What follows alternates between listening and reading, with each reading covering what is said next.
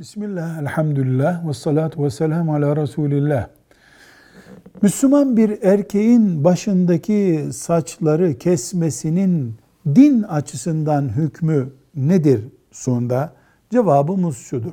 Saç kesmek mubah işlerdendir. Ne demek mubah işlerden? Sağ tarafa yatıp uyumak, sol tarafa yatıp uyumak nasıl mubah bir iş, hangisini istiyorsan uyuyorsun.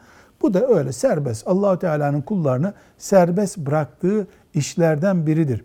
Peki bunun ibadet değeri, saç kesmenin ibadet değeri de var mı? Var tabi. Hac ve umrede ihramdan çıkmak için ibadet değeri var.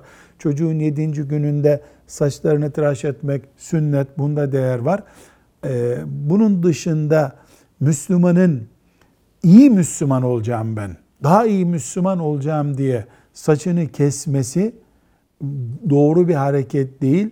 Kafirlere benzeyecek şekilde tıraş olmak veya olmamak ise kafirlerin taklidini oluşturduğu için insanı harama kadar da götürebilir. Filan papaza benzemek için, filan meşhur kafire benzemek için saçı ona benzetmek veya onun gibi kesmek bu tür tehlikeleri beyan eder. Ama genel olarak saç kestirmek mubah olan işlerden biridir. Velhamdülillahi Rabbil Alemin.